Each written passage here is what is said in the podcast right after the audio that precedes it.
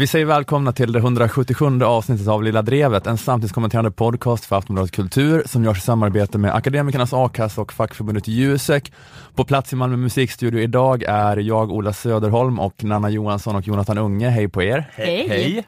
Eh, idag ska vi prata, väldigt förvånad. du vänjer dig aldrig. Alltså har vi podd? Precis. Där, där fick du mig med brallorna ner. Sitter du och spelar Hearthstone? Nej. Åt- 80 procent av din vakna tid är poddinspelning, men det är ändå en sån, du är ändå som Scooby-Doo varje gång. Så bara, What? När det börjar. Det är jag som kör! Men idag, eh, eller i veckans avsnitt så ska vi prata om, jag ska prata lite om den här SVT-programledaren som spelar in videos där han onanerar på gym, Följ, Mm. följetongen om det. Och du skulle prata om något som kallas avgasaporna. Ja. Eller? Precis. Jag vet inte vad det är för nyhet. Men, Wow. Alla känner till den nyheten. Och du, man hör att du knattrar lite på datorn nu Jonathan. Ja, jag har- ska jag, göra mitt, jag ska göra premiär för mitt nya inslag, eller vad heter det? Jaha. Nu, som, som heter typ, nej nu får det faktiskt räcka. Wow. Eller, nu sätter jag ner foten. Oj, Eller, kom igen! Ja, okej, ja, vad spännande. Jag eh, pratade förra veckan eh, lite grann utifrån den här debatten om flyget och flygets klimatpåverkan. Ja, Du var här Jonathan, du kommer ihåg det. kommer och eh, jag pratade då om eh, journalistiken om klimatfrågan. Och jag menade lite då på att svenska journalister i allmänhet inte riktigt gjort det intellektuella arbetet som krävs för att förstå vad klimatfrågan verkligen är och hur den genomsyrar allt. Men det var då att jag gick ganska hårt åt eh, SR, åt olika inslag i Studio 1 och sådär. Ja. Spelade upp dem och sa "Ni, ni, ni, ni", och sådär. Classic. hur dumma de lät. Så jävla dumma är de på Ekot. Idioterna på Ekot. Och hör här då, vilken sopa. Så höll jag på en halvtimme förra veckan. Och så det här klippet, här säger han. Jag kan inte fatta att han sa det där. Gud, jag måste lyssna, du säljer in det väldigt bra. Ja, det var, det var 30 minuter Ja, det var väldigt långt. total Och väldigt avklädning. bra. Nej men det var, men det- var mycket då Sveriges Radio, Eh, men det jag skulle komma till var att det var synd att jag missade SVT. För förra måndagen, eh, dagen innan vi spelade in förra avsnittet, så gjorde SVTs Aktuellt ett inslag om flygdebatten som var som en parodi på slapp klimatjournalistik. Och jag hade velat spela upp klipp från det nu, Ja. men på grund av att SVT Play bara sparar programmen i en vecka, så kan jag inte. What? Idag tisdag när vi spelar in är det åtta dagar sedan förra måndagen, vilket jag blev varse tidigare idag när jag tänkte spela av inslaget. Vad är det vi inte betalar eh, tv-avgift för? Betalar du inte tv-avgiften? Jag kollar inte på tv. Mm. Nej, men, det, men din poäng går ändå fram, att det, Mm. det är lite Ja. eh, Slappt. slappt, precis. Slappt att de kan eh, städa undan sin slappa klimatjournalistik från historien så här snabbt. Men ni får tro mig när jag säger att oj, oj, oj, Wow. oj, oj, oj, var helt otroligt. Men först var det såklart, eh, jag, jag, försöker återberätta från minnet nu lite istället då, eh, så att ni får er Mm. Ska vi någonting till livs. blunda och, och, leva oss in eller? Ja, men det var först Jag var ser det, ett riktigt dumt face framför mig. Sen man bara vill slå till. som man vill så här, ta av sina skor och kasta bort det facet. En person man bara vill slita armarna av och sen slå ihjäl den personen med dessa armar. Men först var det såklart här mannen på gatan-segmentet, Ja. att en reporter bara Arlanda, en plats för resedrömmar. Men nu på senaste också oro för, om miljön. Jag vill avskaffa mannen på gatan. Ja. Ja, men en sån bedrift på att kunna ha det yrvakna tonläget 2018. Sen gå runt och fråga Svenne Banan, så här, jaha vad tänker du om ditt flygande? Så här, jag gillar flyg. Okej, ja då har vi ett problem här. Men det var i alla fall, det var debatten sen i studion som verkligen var det otroliga. Att, att det var eh, att de har bjudit in då en sån duelldebatt där bara i studion och så var det en kvinna från Naturvårdsverket, tror jag, eh, typ Naturvårdsverket och en man från organisationen Svenskt Flyg som stod och sa saker att det är inte flygandet som är problemet, det är utsläppen. Geni!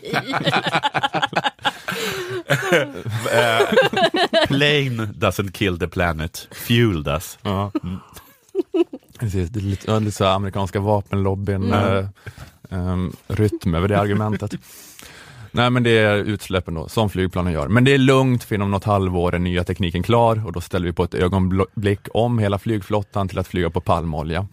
Och programledaren bara, jaha, flyga på biobränslen säger han. Men du då Naturvårdsverket kvinnan, du säger flyga mindre. Hur ska vi då göra om vi vill åka till Japan? Eh, men, det, men, det, men det var bara det var att det var, det var så här att det var Det var då så att det stod en ljugande lobbyist där och Mm. debatterade fakta som programledaren bara ska presentera. Men det är det klassiska greppet om man som journalist inte orkar göra research, att man gör allt till opinion live. Om att det blir här tyngdlagen för eller emot. Precis. Paolo Roberto och random göteborgare är här för att eh, diskutera. Jag kunde inte klippa ut något om, men ni får tro mig att oj, oj, oj. Det var, det var riktigt dåligt alltså. Det var det. Eller man kan säga så här, det är ju skönt att de inte stressar ihjäl sig på Aktuellt-redaktionen. Mm. Mm, Man kan ju få magsår av stress. just Ja. det. Det är, en, eh, det är ett folkhälsoproblem. Det är både, det är, det är ost, eh, både två tre gånger på. Just det, Aktuellt. precis. Nu i och med att de inte gjorde någon research hade de kanske ordent, hade tid att göra ett ordentligt långkok, laga mat från grunden Just och inte det. bara så här slänga i Va? sig någonting. Just det. Så det oh. Gud vad hälsosamt de halvfabrikat. lever. Det blir gulaschsoppa Ingen idag. stress. Mums. Så riktigt underbar hemlagad mat. Med så här, de har gått i olika så här, stånd Mm. och plockat de finaste grönsakerna. Bara det bästa i vår hotpot. Mm. Vi, la, vi har lagt bönor i blöt ett dygn innan. Mat har från grunden. Jag brassar mitt eget käk. Nej men det, det, det är skönt. Det är, det är väl bra att inte ta sin yrkesroll på för stort allvar. Det finns så mycket annat här i livet och så vidare. Nej, men jag tänkte på det att det, det står så här i en artikel om, om flygdebatten också i Svenska Dagbladet från för några dagar sedan. Det står så här, eh, citat, enligt klimatforskaren Kevin Anderson, gästforskare vid Uppsala universitet, är flyget egentligen inte tillgängligt för mycket mer än nödsituationer, förutsatt att Sverige vill ta sin del i kampen för max 1,5 graders uppvärmning. Vi kan bara flyga i nödsituationer. Ja. Och den artikeln är skriven av en journalist som heter Jenny Stiernstedt. Och hon är liksom en av få journalister som fattar att det är ju hela premissen för diskussionen. Mm. Att det här säger forskningen. Eh, alltså, hon hon intervjuade Centerpartiets ledare Annie Lööf i måndags. Det står så här i artikeln, citat. I fjol såg flygbolagen en passagerarökning på 6% i Sverige till 47 miljoner passagerare och 7% globalt till drygt 4 miljarder passagerare. Och det är ett läge där de flesta forskare är tydliga med att vi måste flyga mindre än idag. Som centerpartist och liberal vill Löv dock inte komma med några pekpinnar. Kan vi flyga mer än vad vi gör idag? Frågar reportern då. Löv svarar, om vi ställer om bränslet, då kan vi flyga mer. Du syftar på mer biobränsle i tankarna? Ja, långsiktigt måste vi gå över till mer biobränsle, absolut. Men, men då är det, att det, det lämnas inte bara här, att Annie Lööf säger det här, Nej. utan den här Jenny Stiernstedt tar efter det här svaret från Annie Lööf med det här stycket, då det står så här att eh, Beräkningar från KTH visar att inte ens om man skulle använda lika mycket biobränsle som vi idag förbrukar fossilt bränsle, så räcker det för att klimatpåverkan ska minska. Med tanke på kvarstående höghöjdseffekter och förutsatt att utsläppen från flygresandet ökar med 2% per år, eh, vilket varit fallet de senaste 25 åren, så skulle klimatavtrycket år 2030 vara ungefär lika stort som idag. Slutcitat. Okej, så biobränsle är inget, inte svaret. Nej, alltså det är liksom då även med en eh, exceptionell utveckling av ny teknik och biobränsle inom flyget så skulle klimatavtrycket vara lika stort 2030 som idag. Mm. Om, om vårt flygresande fortsätter öka lika mycket som det har gjort, Ja. 2% om året. Stiernstedt skriver också vidare i artikeln då att eh, forskningen är tydlig med att vi måste minska flygandet idag. Att även om man är maximalt optimistisk när det gäller framtida tekniksprång så kommer inte det vara tillräckligt mycket tillräckligt snabbt. Kalkylen går inte ihop om utsläppen ska halveras varje årtionde från och med nu, Nej. vilket krävs för att klara målen. Och då pratar jag inte bara om flygutsläpp utan utsläppen i allmänhet. Om vi, hittar en, om vi kommer på en motor som drivs av kärlek eller barnets skratt, då, då får, kan vi flyga hur mycket vi vill. Mm, och att det inte är någon sån här process i att ställa om en fordonsflotta. Ah. Att det, du vet, att som idag är ändå 30-40 år gamla plan i bruk, men att Ah. alla de här försvinner i tomma intet och Mm. kärleksplanen uppstår ur Mm. tomma intet liksom på, eh, på samma ögonblick. Men det är just att det här alternativet fortsätta som vanligt utan uppoffringar, men ändå klara Parismålet för att fossila bränslen successivt byts ut mot miljövänlig teknik. Det alternativet finns inte, då enligt den samlade bedömningen från forskningen. Eh, Så jag kan känna att det som stör mig med Annie Lööf, med Svenskt Flyglobbyisten, med Sara Skyttedal som twittrade ut det här, citat, jag tänker så här, flyg mer, det finns så många dumpuckon. Hon säger, det finns så många dumpuckon. Det, fin Jag tänker så här, flyg mer. Det finns så många dumpuckon som bojkottar flyget att förutsättningarna för bolagen att investera i ny grön teknik försämras. Jag flyger därför några extra gånger. Det, det är min klimatkompensation. Slutcitat. Om jag, om jag ska sitta i en bil som bara ska dundra rakt in i framtidens bergvägg, då ska jag fan göra det med Sara Skyttedal. alltså färden dit kommer ändå vara rolig. Ja, det, ja, jag förstår vad du menar, men det, det, är också, det som stör mig med dem är att jag tycker att de åtminstone borde erkänna att det Ja. de sysslar med är nihilism. Och det är väl kanske inte en så konstig position att inta klimatnihilismen. Nej, verkligen inte, för det är ju kört. Så att eh, Ja. det är en oerhört, eh, Ja. helt, det är en helt, det är en helt okej inställning. Det här, vad ska jag göra som privatperson? Ja. Vad ska Sverige göra som ett ytterpyttelitet land? Nu tar vi och försöker eh, Mm. suga upp så mycket som möjligt av, av allt som finns kvar istället. Det, det jag kan känna en invändning mot det är att det är inte helt eh, binärt där. Det är inte, an, det är inte så här antingen klarar vi det eller klarar det inte. Utan Okej. man, man, kan ju se, man kan ju se det så. Så kan. Att det kan ju bli en större eller mindre katastrof beroende på ifall vi vänder Ha- utvecklingen om 20 eller 30 år. Ha den i din lite långsammare, tråkigare bil. Så förr eller senare i alla fall, du kommer se vårt rykande vrak, men även du kommer åka in i den där väggen. Men det är så här att ja, vi som politiker är- nihilister då. Ja. Vi gör typ bedömningen att det är bättre att inte stryka medborgarna i Sverige här och nu mot hå- hårs med progressiv klimatpolitik, för det, för det känns härligast så. Ja. Men jag menar, men det, är just det, det, provocerande är att det de ägnar sig åt när de säger att vi ska flyga ännu mer samtidigt som vi räddar miljön med teknikoptimism, Ja. teknikutveckling, företag och entreprenörskap. Det är ju inte nihilism, utan det är religiös fanatism. Totalt faktaresistent religiös fanatism. Och jag tycker inte att det är värdigt ett modernt, upplyst samhälle. Alltså om det är någon uppgift journalister har i den här frågan så är det att åtminstone inte låta politiker och andra makthavare komma undan med att vara religiösa fanatiker. Tvinga dem åtminstone att erkänna att de är nihilister. Det är så här ett grundkrav. Jag menar att det där som pågick i Aktuellt med flyglobbyisten, att det är lite grann som att debattera det som vi tycker är så skojigt i USA och de debatterar för eller emot evolutionen och på ena sidan är en kreationist, att det är på den nivån. Och eh, jag menar för att det är så svårt att make some sense av vad svenska politiker och makthavare kan göra realpolitiskt i klimatfrågan. Jag kan förstå att det är svårt för journalister att så här, hitta något konstruktivt där, men, men de borde försöka i alla fall och det första grundkravet borde åtminstone vara att inte låta folk komma undan med religiös fanatism.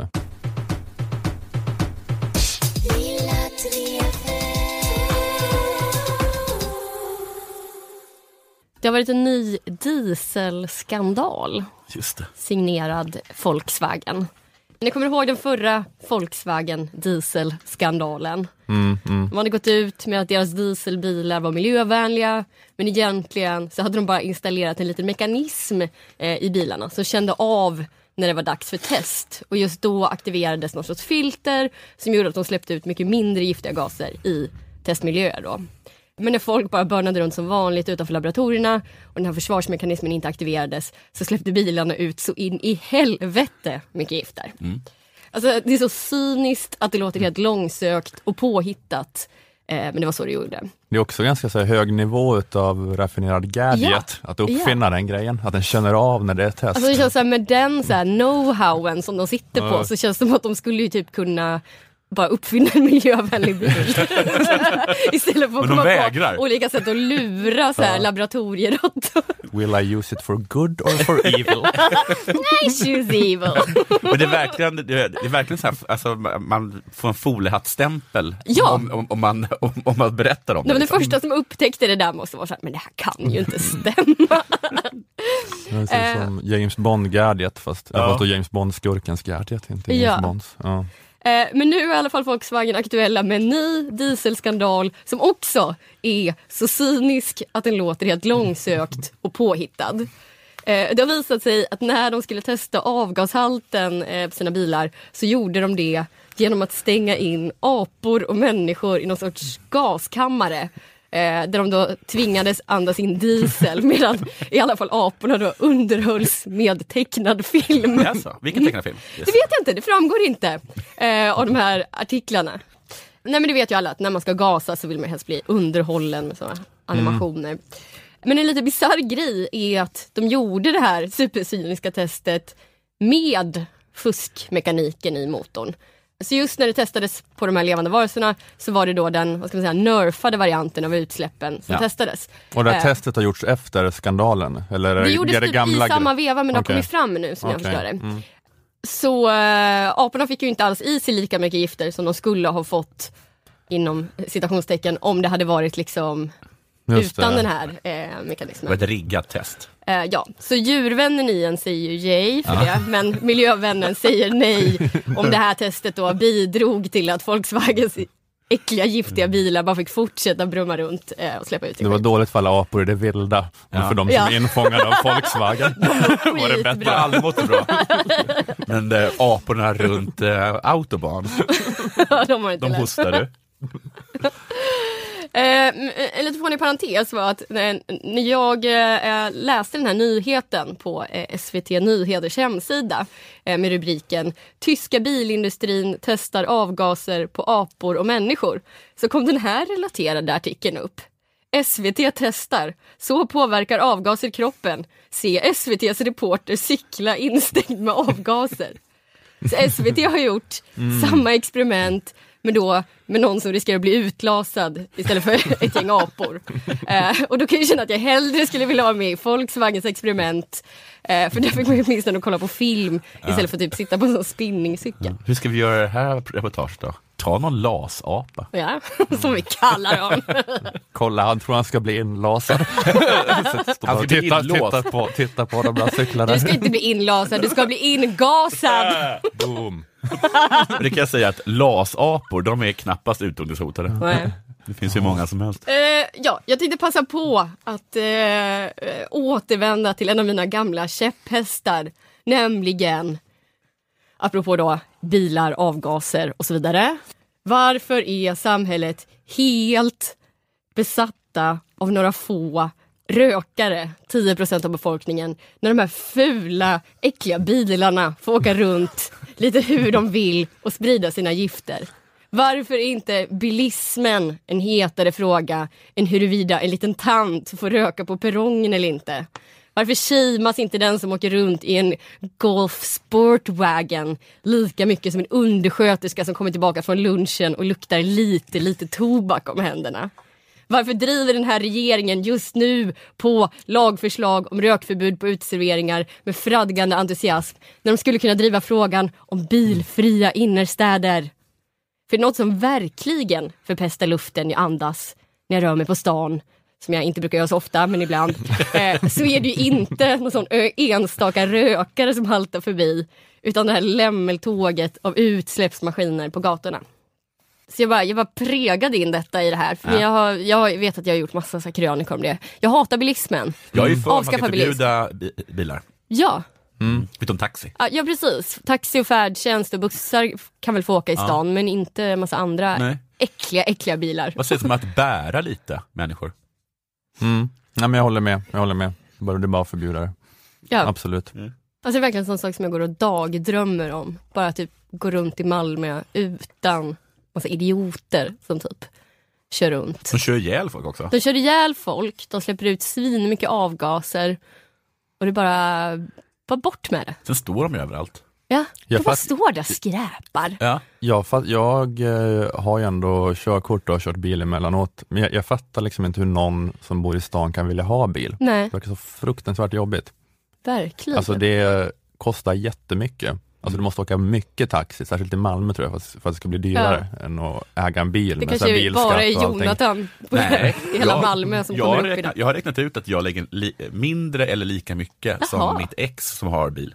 Okej, Mm, och är helvetiskt med parkering Ja. och eh, och allt sånt slipper du. Superläskigt att köra bil också. Ja. Man är livrädd hela tiden. Åh, jag kommer ihåg när, när vi var i USA och du skulle köra och du var skräckslagen. Men ni var skräckslagna allihopa då? Men det, det smittar väl av sig när föraren typ darrar av skräck när man sitter i den bilen. Ja. Nej, jag- jag vill bara säga att det här kommer aldrig gå. nu kör vi.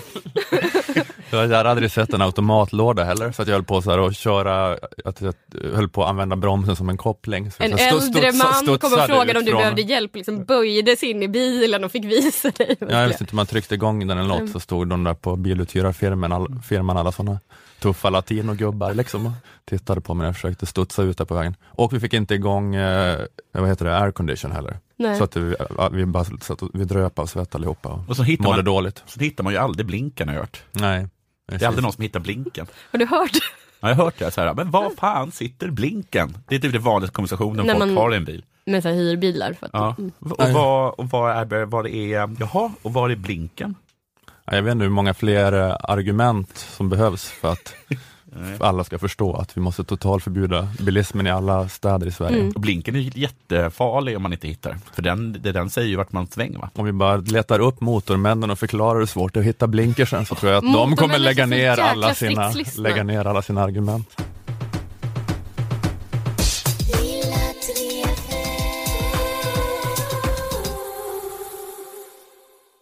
Lilla Drevet är möjligt på grund av att vi är köpta av Akademikernas a-kassa och fackförbundet Jusek. Så himla skönt att just de har köpt oss. Det var väldigt skönt. Har- Stod där på auktionen, darrade. Precis. Kom de fram. Vi såg att Kollade Volkswagen, Jonathan i munnen. Han hade alla tänder kvar. jag hade hört att Volkswagen skulle lägga ett bud, kanske gas oss lite.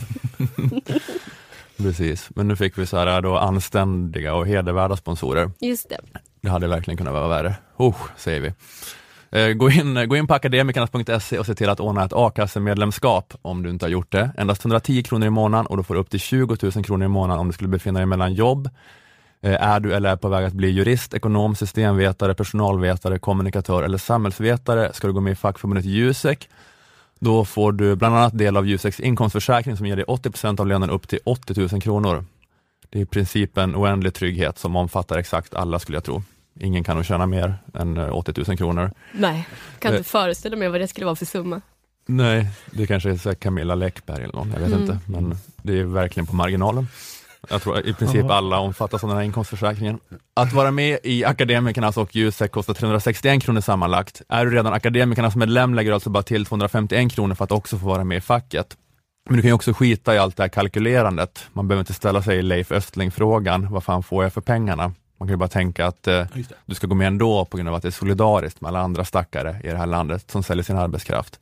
Tar du steget och är med i Akademikernas a-kassa och snedstreck eller fackförbundet Jusek tack vare den här podden kan du gärna meddela det i din ansökan. Du kan också skriva om det i sociala medier under hashtag lilla drevet.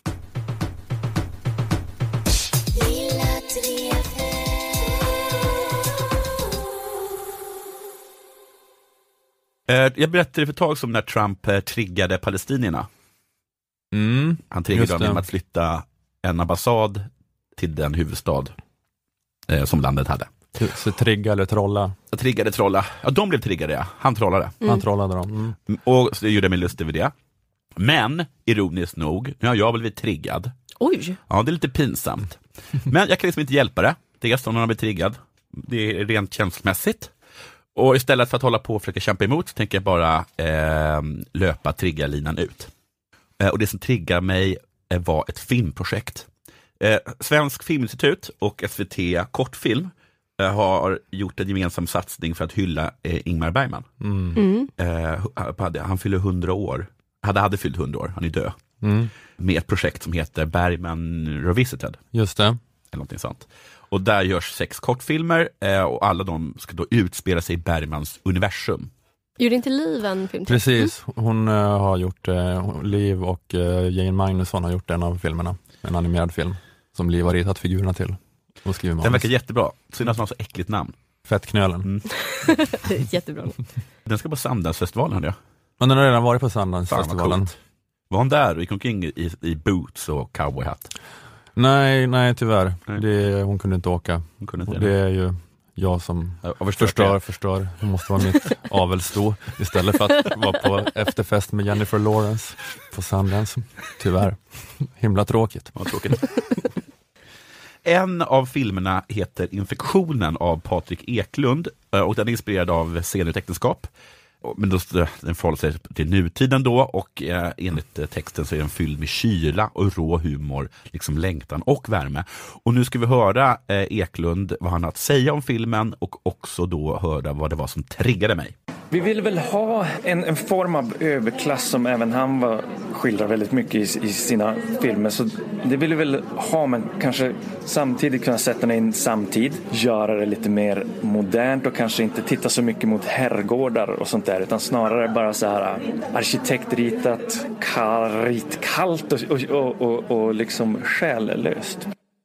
Nu kommer jag göra en sån här Buzzfeed-post. Mm. Har du sett dem? Typ Dear Poor People. Eller, mm. eller 37 things poor people need to stop ruin in 2018. Så det brukar då vara, brukar vara white people, brukar vara då. Mm. eller, ja, eller uh, cis people. Eller, um, mm. Gjorde du en sån härlig byt ut? Ja, jag gjorde, ja, jag gjorde. Mm. mm. Det kanske var en clickhole du gjorde då? Ja, det kanske gjorde. Det är någon som gör parodi på Buzzfeed. Just det. Det här om att överklassen skulle vara kall, det är en myt. Mm. Som vi faktiskt måste sluta att upprätthålla. Kom igen, det är 2018. För det är till och med tvärtom. Massa olika exempel kommer nya på det. I överklassen ger man varandra varma, lite naiva, barnsliga och glada smeknamn. Bröli, mm. Noppi, mm. kanske Slurpi. I arbetarklassen slash underklassen däremot, kallar man varandra för Bög-Jimmy, Hor-Jenny, Fettface-Fredde och Stina i backen. Vilka är de kalla nu?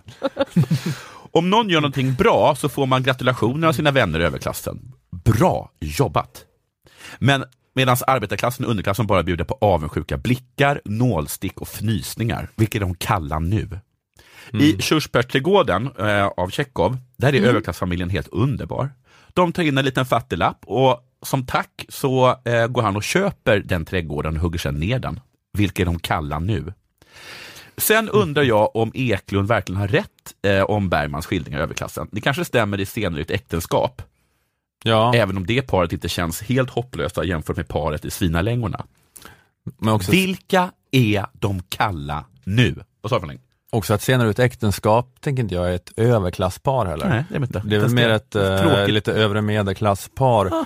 Men däremot Fanny och Alexander, är inte det en skillnad? Vi kommer till det. det. det är väl en För om man ser på hur Bergman skildrar familjen Ekdal, mm. då är det, den är väl knappast kall.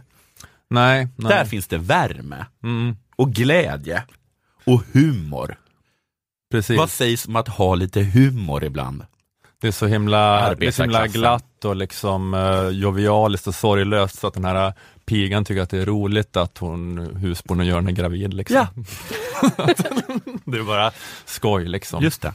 Och sen att det här, Jarl Kulle kommer och... det här skällösa, den anklagelse som kom allra sist här i Eklunds analys av överklassen. Att man måste vara fattig för att kunna skapa stor konst. Jo, jag tackar jag. Vilket jävla skitsnack.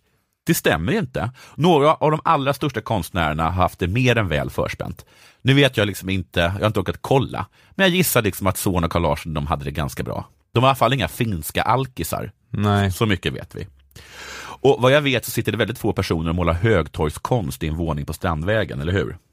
Mm, precis. Och den här själlösheten, med den så kommer också den här unkna uppfattningen att överklassen på något sätt skulle vara olyckligare eller mer drabbade av psykiska sjukdomar. Och det tror jag absolut inte stämmer. Jag tror om du går in på en, eh, på en, vad heter det, en psykakut så kommer eh, vad heter det, inkomst, eh, medelinkomsten där vara långt under Östermalmnivå. Mm, det kan du nog ha helt rätt i. Mm. Vad det här är, det är en sorts snuttefilt som arbetarklassen och underklassen tröstar sig med. Att man byter ut mot att ja, de har, de har mycket mer pengar än vi, men de är olyckligare och de är själlösa och de inte har inte alls den här varma, fina glädjen som vi har i våra finska alkishem. Mm. Är, det, är det de två samhällsgrupperna som finns? Det är, det är finska alkisar och det är någon som sitter på Strandvägen och ja, bara mår toppen. Eller i en tråkig medelklassvilla i Järfälla. Mm. Men nu får vi faktiskt släppa den snuttefilten och bara erkänna att ja, överklassen har mer pengar, men de är också gladare, de är snällare mot varandra, de är bättre på att göra konst och är bara allmänt mycket, mycket trevligare. Liksom, typ första gången man hör dig hålla så ett riktigt, ett riktigt så brandtal från hjärtat. Ja. Och då är de detta. Jag är ledsen, men det är dags att äta upp den kakan. det är bara att börja tugga. Vem skulle ni eh, gråta ut hos? Hos en snäll gammal greve eller en finsk alkis? Jag tror nog att jag har redan bestämt Menar du den här vilken, snälla gamla greven? vilken dörr jag trycker på och säger jag behöver en axel att gråta ut på. Då kan man få höra välkommen, vill ha konjak? Eller så får man säga gissar jag. jag Just tog i för mycket på slutet. Men det är, Jag bara tycker det är så himla fånigt. det, det är tajt, bara släppa det nu? Tajt- Vad är det ni tror? Det är så töntigt. Det kanske egentligen är mer medelklasskonstnär-grej. Det är verkligen att eh, tänka så långt ens näsa räcker. mm.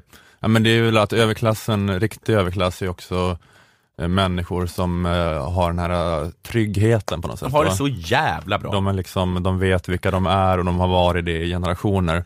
Det är inte den här eh, osäkerheten som vi Nej. klassresenärer i moderniteten har. Vi saknar den här ontologiska tryggheten. Men de så här riktigt gamla pengarna och anorna, Det är som jag brukar säga, ni behöver aldrig oroa er för eliten. De har det Skönt. bra. Kommer jag sova lite De lättare? har det toppen bra. det är, men det, i Titanic är det ju så. Den, den, eh, I filmen Titanic. Ja, att de går ner på tredje klassdäck där Ja, och Kate där dansar de och har Ja, roligt. Kate Winslet har så himla tråkigt eh, högst upp där bland eh, överklassen. Mm. Men så där nere är det precis, då är det fryntligt och frejdigt. Ja, men vet, vet du var i verkligheten? Man gick ner där, så satt det två finska fyllon och slog varandra. Och sen hade Kate Winslet bara direkt gått trappan upp till den champagne och dansen på bordet-fest som pågick på översta våningen. Mm. Ja. Ja, men jag förstår. Och det var alltså första delen då av min eh, Nu får det räcka. Just det. Och det, men det kan, kan handla om vad som helst, det kommer inte vara det här temat. Eller kommer det eh, alltid vara att du... Stoppa fördomar om överklassen. Precis. Att det skulle vara dragit på slottet. det var det dummaste jag hört. Men jag tycker att allt, alla tv-serier som kommer från England är propaganda för överklassen, Ja. för klassamhället. Att Downton Abbey, Mm. Ja. det är bara att de är så här härliga, mysiga patriarker och The Crown är också ganska mycket så, Ja. den tv-serien. Och sen, och sen så har de då sina, vad heter det, sina skildringar av vet, äh, vet, vet de, EastEnders och Coronation Street. Som då bara innehåller liksom 42 olika karaktärer som är finska fyllon som slår varandra. Liksom. Just det, så att i England eh, har de mer att de vågar se det för Säga vad det sanningen, är. ja. Säga sanningen. Kalla en spade en spade. Ja. Och det är att eh, en lord är oftast trevligare liksom, än Mm. ett fyllo på puben.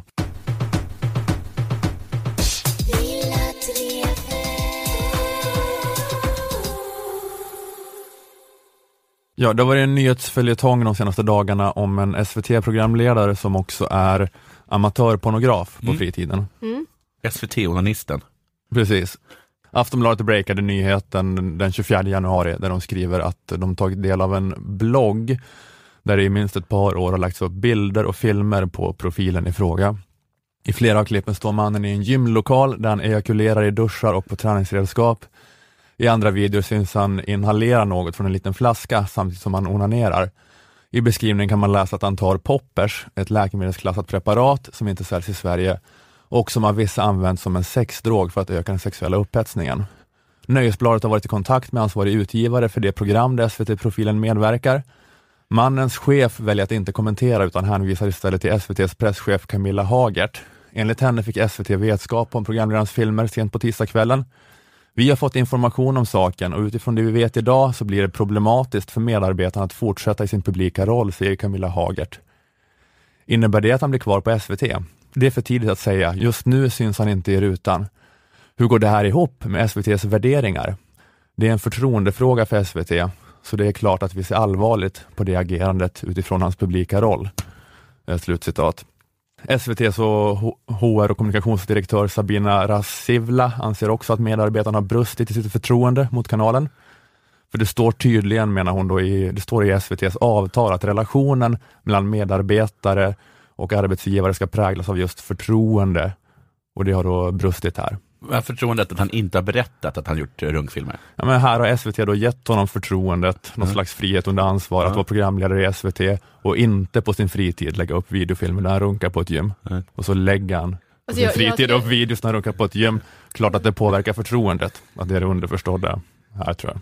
Jag tycker verkligen det enda provocerande där är att han typ har ejakulerat på, på träningsredskap. För det tycker jag, så här, om, om det är fler som ska använda det, bara gör inte det liksom.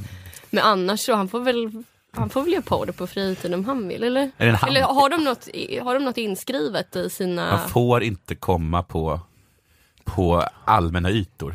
Finns det något sånt? Det som Sabina Rassivla menar då är ju att eh, eh, relationen mellan eh, medarbetaren och arbetsgivaren ska präglas av förtroende. Ja.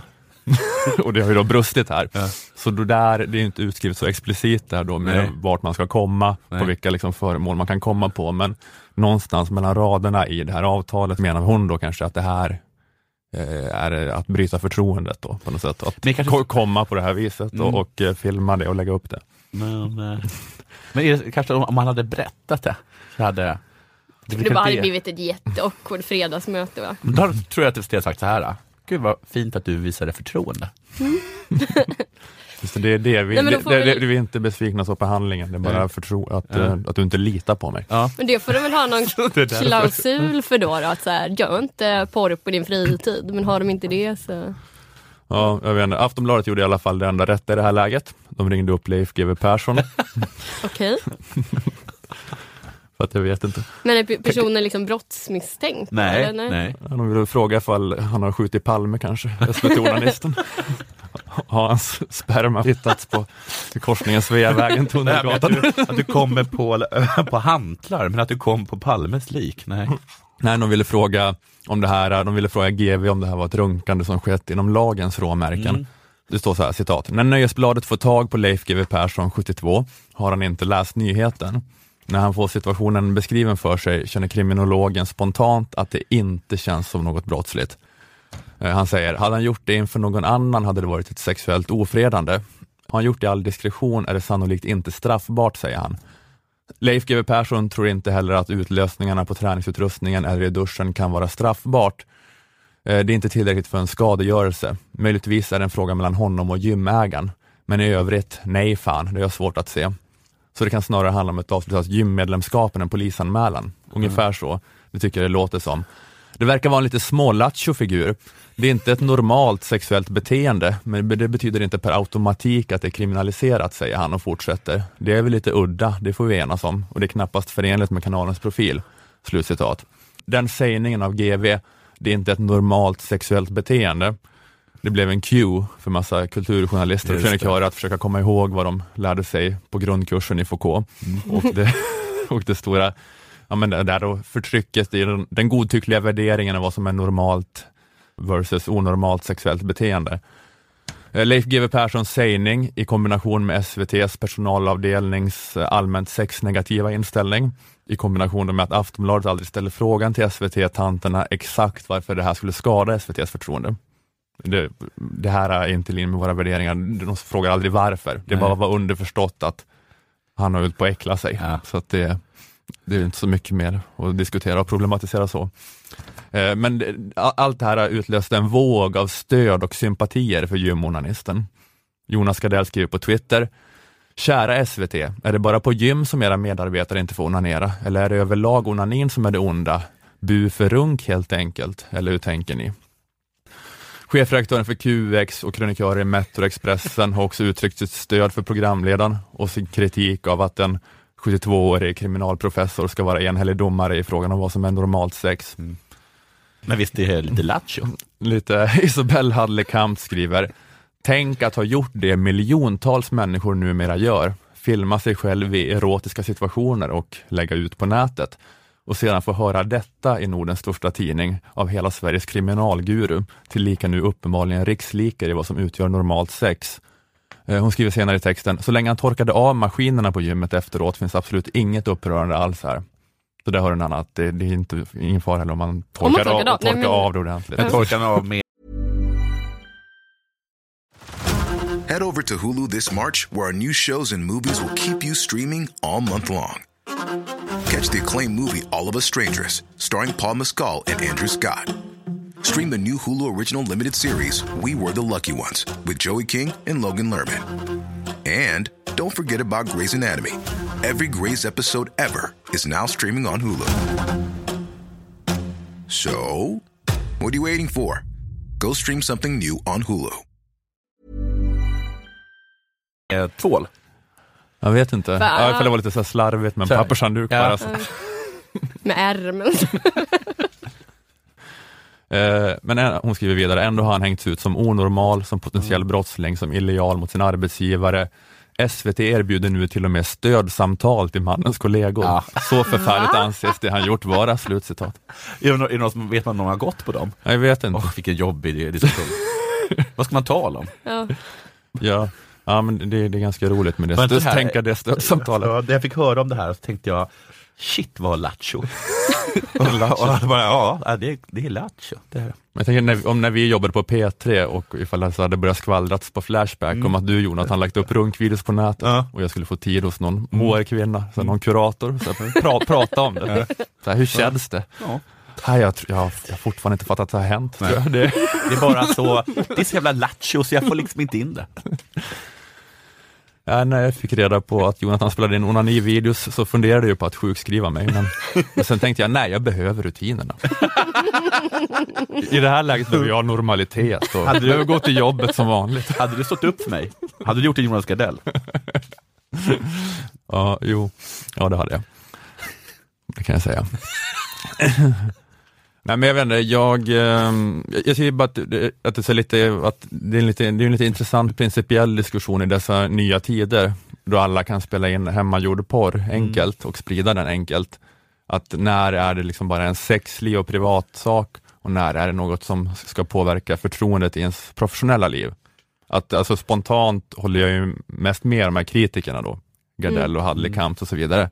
Och jag tänker, hade det varit så att han liksom var en statligt anställd, du vet, ja men typ så, och den som är handläggare på Skatteverket och chefen fick nys om att han gillar den här sexuella subkulturen, onani-videos och sa fy fan vad äckligt. Och sparkade honom. Då tycker jag att det var solklart liksom att då ska han bara gå till Arbetsdomstolen, han, han borde vinna.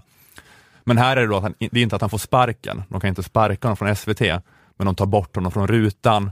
Och så hade de kanske tänkt försöka hitta någon icke synlig post på SVT åt honom om han insisterade på det, men han har nu slutat självmant istället. Och Vad gjorde han? efter, efter Ja, men jag blev kan av med sitt förstå att man inte tycker det känns svinkul att ens kollegor har möte om ens onanival. Nej. Usch vad jobbigt. Eh, han eh, var programledare för Vinterstudion. Det var André Pops. Nej, det skojar bara.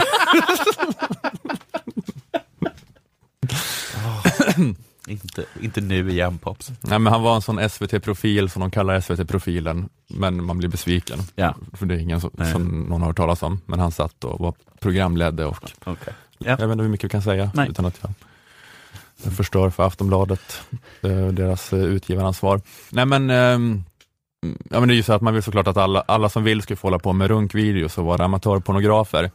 Men jag så undrar, ja, men som i det här fallet jag beskrev med eh, handläggaren på Skatteverket. Men, men, men det här är då, det är inte att han får sparken och jag tänker, kan man så kräva av SVT att en parallell karriär som amatörpornograf är något som aldrig ska påverka programledarutnämningsbesluten? Förstår ni vad jag menar? Mm. Säg, säg att det hade varit André Pops som spelade in runkvideos. Mm. Alltså han får ju de här uppdragen som programledare för primetime, som programledare för Morgonsoffan och Vinterstudion. Han får ju de uppdragen lite på meriten att han inte spelar in runkvideos. Ja, ja. Eller inte publicerar runkvideos i Nej. alla fall. Han kan ju spela in dem. Precis. Alltså- Det vi gillar med dig är att du talar med folk som, eh, så att de förstår och att du inte lägger upp videos där du runkar på köks, köksprylar. Ja, men vi har väl en sån kravspecifikation för en Vinterstudion programledare, det är att du ska vara gullig i stickad tröja. Du, ska du ska tycka att Magdalena Forsberg var en större idrottare än Björn Borg, Michael Jordan och Maradona sammanlagt. Och vi ser också gärna att det inte finns några virala klipp av dig där, du- där du lägger din sats på en crosstrainer. Eh, Och jag menar, jag, alltså personligen kan jag önska att vi levde i ett Sverige där André Pops kunde vara en stjärna i runkvideo-communityt samtidigt som han ledde Melodifestivalen. Just det. Fast det är lite så också, om jag fick bestämma vilka som skulle vara med i primetime-tv och hur det skulle se ut, så skulle det vara helt annorlunda. Och, Ja. och förmodligen kanske tappa 90% av sina tittare, för att folk är, ja, det är för att jag tycker att svenska folket är konservat, konservativa idioter, men jag fattar ju, det är något som SVT måste förhålla sig till. Men, tycker, precis, men är det inte så att, att, att nästan allt man gör på fritiden blir pinsamt för en programledare? Alltså om man hade hört att André Props eh, spelade gitarr i ett, eh, i ett, i ett coverband. det hade också varit något som man helst hade velat att han inte gjorde. Att det hade Men jag varit... tror att SVT, om de hade fått välja om André Pop spelade gitarrist i ett 80-tals eh, hyllningsband, så hade de sagt så här, Det är inte så farligt, men eh, om du skulle kunna tänka dig att inte göra det. Vi vill ju att relationen mellan medarbetare och arbetsgivare ska präglas av förtroende. Ja. Vi kan känna att det har brustit här. Då blir det konstigt När du- gå omkring och spela Journey-låtar på, på, på, nå- på någon bar. Nej men jag menar, den här gymrunkan hade inte André Pops roll, men han hade kanske ändå kan man säga en roll som kräver någon slags här, bara, trovärdighet i breda lager. Ja. Och om stora delar av befolkningen tycker att det här är så knäppt så de inte kan ta del av vad han förmedlar i sin programledarroll, så blir väl det ett problem ur ett public service-perspektiv. Och kanske då ett problem som måste lösas med att plocka bort honom, även om det är att gå reaktionära till mötes. Eller så är det ingen, eller eller så, alltså det skulle teoretiskt sett kunna vara så. Det kan ju också vara så i det här fallet att ingen tycke, hade tyckt att det var ett problem och det hade varit lugnt. Man hade så här bajsat på bilar. Mm. Men det är väl Det mm, olagligt. skadegörelse? Men Eller? man torkar ju bort det. Torka slarvigt. Torka med ärmen. Det, det, är, det, är två, det är så två parametrar, hur äck, vad, vad gör han och hur Vilken noga kropp? torkar han efteråt. Vilken kroppsvätska och torkar du med ärmen? Man skulle vilja gå hem, man skulle vilja gå hem till honom och, och om han är en sån som handdiskar, då skulle man vilja syna hans eh, men det här, okej, för det här, på det här glaset så ser man fortfarande en liten rödvinskant. Då kan man tänka sig att jag kanske borde få sparken. Ja, precis. Att det, din din liksom teknik för att torka är faktiskt väldigt avgörande i ditt fall för vilket förtroende du kan förmedla i en programledarroll det där är- inom public service. Det där, är, det där är inte så mycket som att torka upp som att smeta ut. Va? Det är en sån som inte kan få upp saker med en trasa utan bara rör runt. Så, så det är faktiskt tveksamt om det här om det här är förenligt med SVTs värderingar att ha dem berutad. Men nu blev det ju mer sperma, kan man säga. I alla fall över en större yta. Du kan ju inte torka bort det med ollonet. Jag tror att ollon suger upp, eller? Mm. Nej, Nej, men det är lite lattjo. Ja, men, men det, är det, är, speciellt, tänker jag, lite det här med att han eh, publicerar sig, eh, alltså Ja. för en rätt stor publik med sina runkvideos. Att, jag menar, det är ju dels då som Isabelle säger och de att det är hans sexliv, det är hans privata sexliv, men det är också någon slags medial karriär, eller, om, eller vad man ska säga, att det, det är han Ja, men det, det är så här, att det bara här svår fråga idag, att det är allmänt så idag mer, alltså metoo-rörelsen med de liksom så här, avslöjandena och så att, med, att det är så mycket sociala medier och så att så här, vad är en riktig publicering och vad är att hålla på med sitt privatliv privata kanaler? Att den här privata och offentliga sfären flyter ihop. Eller för det fattar man ju om, alla andra, jag menar om du så skulle vara programledare för, eh, få bli programledare för något på primetime Jonathan, Är det jag igen? ja, något program och så Vad jag runkar på nu? Ja, men det kanske skulle kunna vara så här att eh, ja, du, du ska göra det här i den här rollen och Ja. så kommer det fram Ja, men han skämtade som diabetiker i P3 2012 liksom. Så måste SVT säga, det här är inte i linje med våra värderingar, vi Nej, avslutar precis. samarbetet med Jonathan. Men jag Då tror kan man säga så här, Men ja, jag men, det på fritiden. det, det, ja, men det, det, det påverkar ju Ja men det är ju en separat publicering, precis som Ja. hans runkvils en separat publicering. Och det har kanske inte påverkat hur du läste teleprompten i det här nya tv-uppdraget. Men då är det som att, ja men det här är ändå något vi väger in nu liksom i huruvida du kan liksom sälja det med ett förtroende. Ja. Med, jag vet inte. Ja, men jag förstår. Så, men jag, alltså personligen så tycker jag att han, tycker jag ju att, eh, eh, som sagt att även André Pop skulle kunna få vara en runkvideostjärna. Ja. Och jag, Men jag, bara, men jag förstår också vad public, service, public service-uppdraget innebär. Kanske mer svåra avgörande, avväganden. och jag är på en annan sida. Alltså det har hur, hur, Ja. hur väl Hur städar väl han man städar efter sig.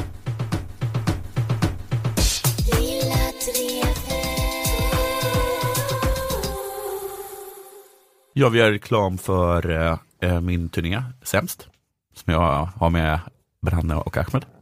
Eh, den börjar i mars, slutar i maj. Gå in på sämst.se om ni vill köpa biljetter. Vi är på ma- massa olika ställen. Och kör stand-up comedy va? Kör stand-up comedy.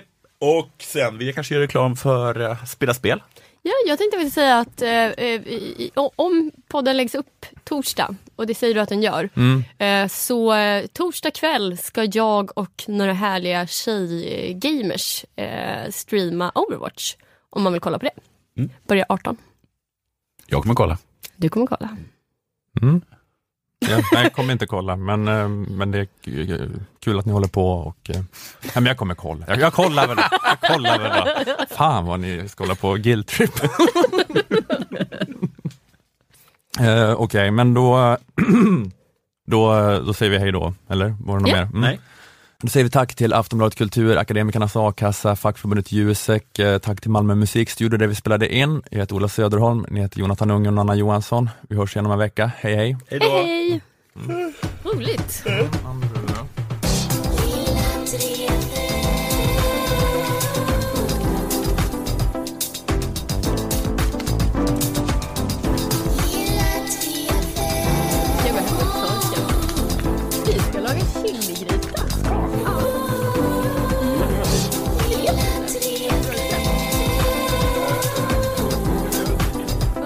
Okej, ja, jag